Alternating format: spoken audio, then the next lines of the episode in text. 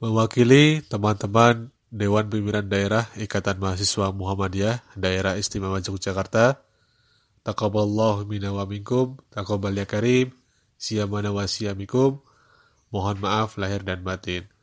Selamat Idul Fitri, 1 Syawal 1441 Hijriah.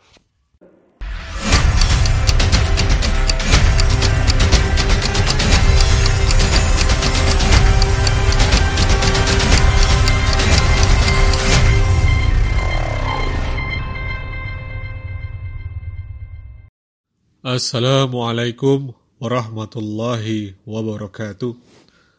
Alhamdulillah, alhamdulillahi rabbil alamin. Puji syukur atas kehadirat Allah Subhanahu wa taala yang senantiasa melimpahkan rahmat, karunia serta hidayah kepada kita bersama. Salawat serta salam tak lupa kita haturkan kepada Nabi Allah Nabi Muhammad sallallahu alaihi wasallam الله أكبر الله أكبر. لا إله إلا الله والله أكبر. الله أكبر ولله الحمد. الله أكبر الله أكبر. لا إله إلا الله والله أكبر الله أكبر ولله الحمد Kita semua akan segera meninggalkan bulan Ramadan dan memasuki bulan Syawal. Walaupun bulan Ramadan ini berakhir, bukan berarti ibadah dan amal soleh yang sudah dilakukan selama bulan Ramadan ini juga berakhir. Sebaliknya, di bulan Syawal, yang juga bermakna sebagai bulan peningkatan, dapat menjadi pembuktian keistiqomahan seorang muslim, baik secara kualitas maupun secara kuantitas ibadah. Jangan sampai kemudian mengalami degradasi, Bila tidak mampu meningkatkan, setidaknya mampu untuk mempertahankan. Sesungguhnya Allah Subhanahu wa taala mencintai ibadah yang dilakukan terus-menerus meskipun itu sedikit. Inna ahabbal a'mali illa Allah Azza wa Jalla adwamuhu wa inqala. Keistiqomahan ini juga yang menjadikan beberapa sahabat Nabi begitu istimewa di hadapan umat muslim lainnya dan tentu di hadapan Allah Subhanahu wa taala. Salah seorang sahabat Nabi bernama Abdullah bin Umi Maktum, seorang laki-laki yang tunanetra sejak lahir. Abdullah merupakan sepupu dari Khadijah binti Khuwailid, istri Nabi Muhammad sallallahu alaihi wasallam. Abdullah dan Khadijah memiliki hubungan sepupu karena orang tua keduanya yang memiliki ikatan saudara kandung. Selain itu, sosok Abdullah bin Umi Maktum juga merupakan sebab diturunkannya teguran bagi Rasulullah Shallallahu Alaihi Wasallam dalam surat Abasa Quran surat ke-80. Suatu hari, Abdullah menemui Rasulullah untuk meminta izin izin tidak melaksanakan sholat berjamaah di masjid. Karena tidak ada orang yang menuntunnya. Namun Rasulullah menolak permohonan izin yang diajukan oleh Abdullah. Karena Abdullah masih mampu mendengarkan azan sehingga tidak ada keringanan baginya. Sebagai seorang muslim yang taat kepada keputusan Nabi, setiap azan berkumandang, Abdullah tetap bersegera untuk memenuhi panggilan sholat. Sekalipun dengan langkah yang hati-hati, sekalipun dengan meraba-raba. Sampai pada waktu Abdullah sedang menuju masjid untuk melaksanakan sholat subuh, karena kondisi jalan penuh dengan bebatuan dan terjal, Abdullah terjatuh dengan kepala mengenai sebuah batu menimbulkan sebuah luka yang mengeluarkan darah. Namun Abdullah tetap melanjutkan perjalanan dan saat Anda kembali berjalan, ada seorang laki-laki yang membantu Abdullah, yang entah muncul dari mana. Dengan bantuan laki-laki itu, Abdullah sampai di masjid dengan selamat. Nah, sejak saat itu, laki-laki ini selalu membantu Abdullah menuntunnya ke masjid ketika waktu sholat dan juga mengantarkan kembali ke rumah setelahnya. Karena hendak berterima kasih dan ingin mendoakan atas kebaikan yang dilakukan selama ini, Abdullah menanyakan identitas kepada laki-laki tersebut. Begitu terkejut seorang Abdullah bin Umi Maktum saat laki-laki itu memperkenalkan dirinya sebagai iblis. Merasa heran, kenapa iblis membantu menuntunnya sholat, sedangkan tugasnya adalah menjerumuskan umat manusia.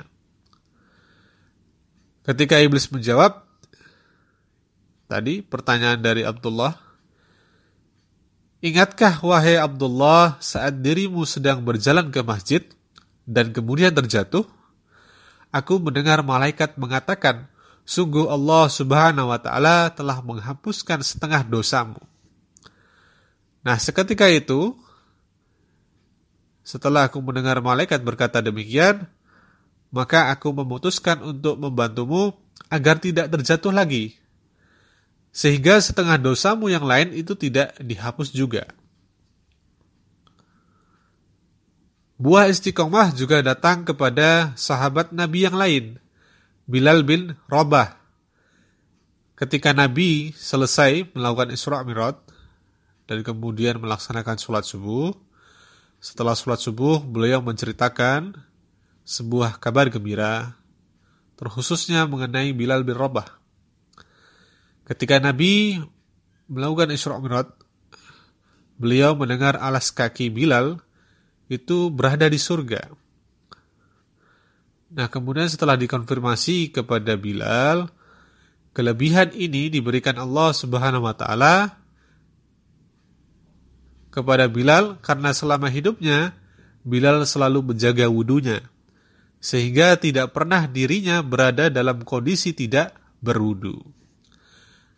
Dan ketika wudhunya batal, Bilal kemudian kembali memperbarui wudhunya dan dilanjutkan dengan sholat sunnah dua rakaat. Momen Hari Raya Idul Fitri selalu diartikan sebagai sebuah kemenangan. Karena telah selesai perang melawan rasa lapar, rasa haus, dan hawa nafsu di bulan Ramadan selama satu bulan penuh. Nah, selayaknya sebuah kemenangan, maka sudah sepatutnya untuk dipertahankan. Mempertahankan keberhasilan di bulan Ramadan dapat dilakukan dengan cara istiqomah. Istiqomah beribadah, istiqomah beramal soleh. Nah, terdapat beberapa cara agar umat muslim tetap istiqomah di luar bulan Ramadan. Yang pertama adalah puasa enam hari di bulan Syawal, yang pahalanya itu seperti puasa setahun penuh. Rasulullah Shallallahu Alaihi Wasallam bersabda, "Man soma Ramadan summa adba'ahu bisitin min Syawal, faka'annama shamat dahri."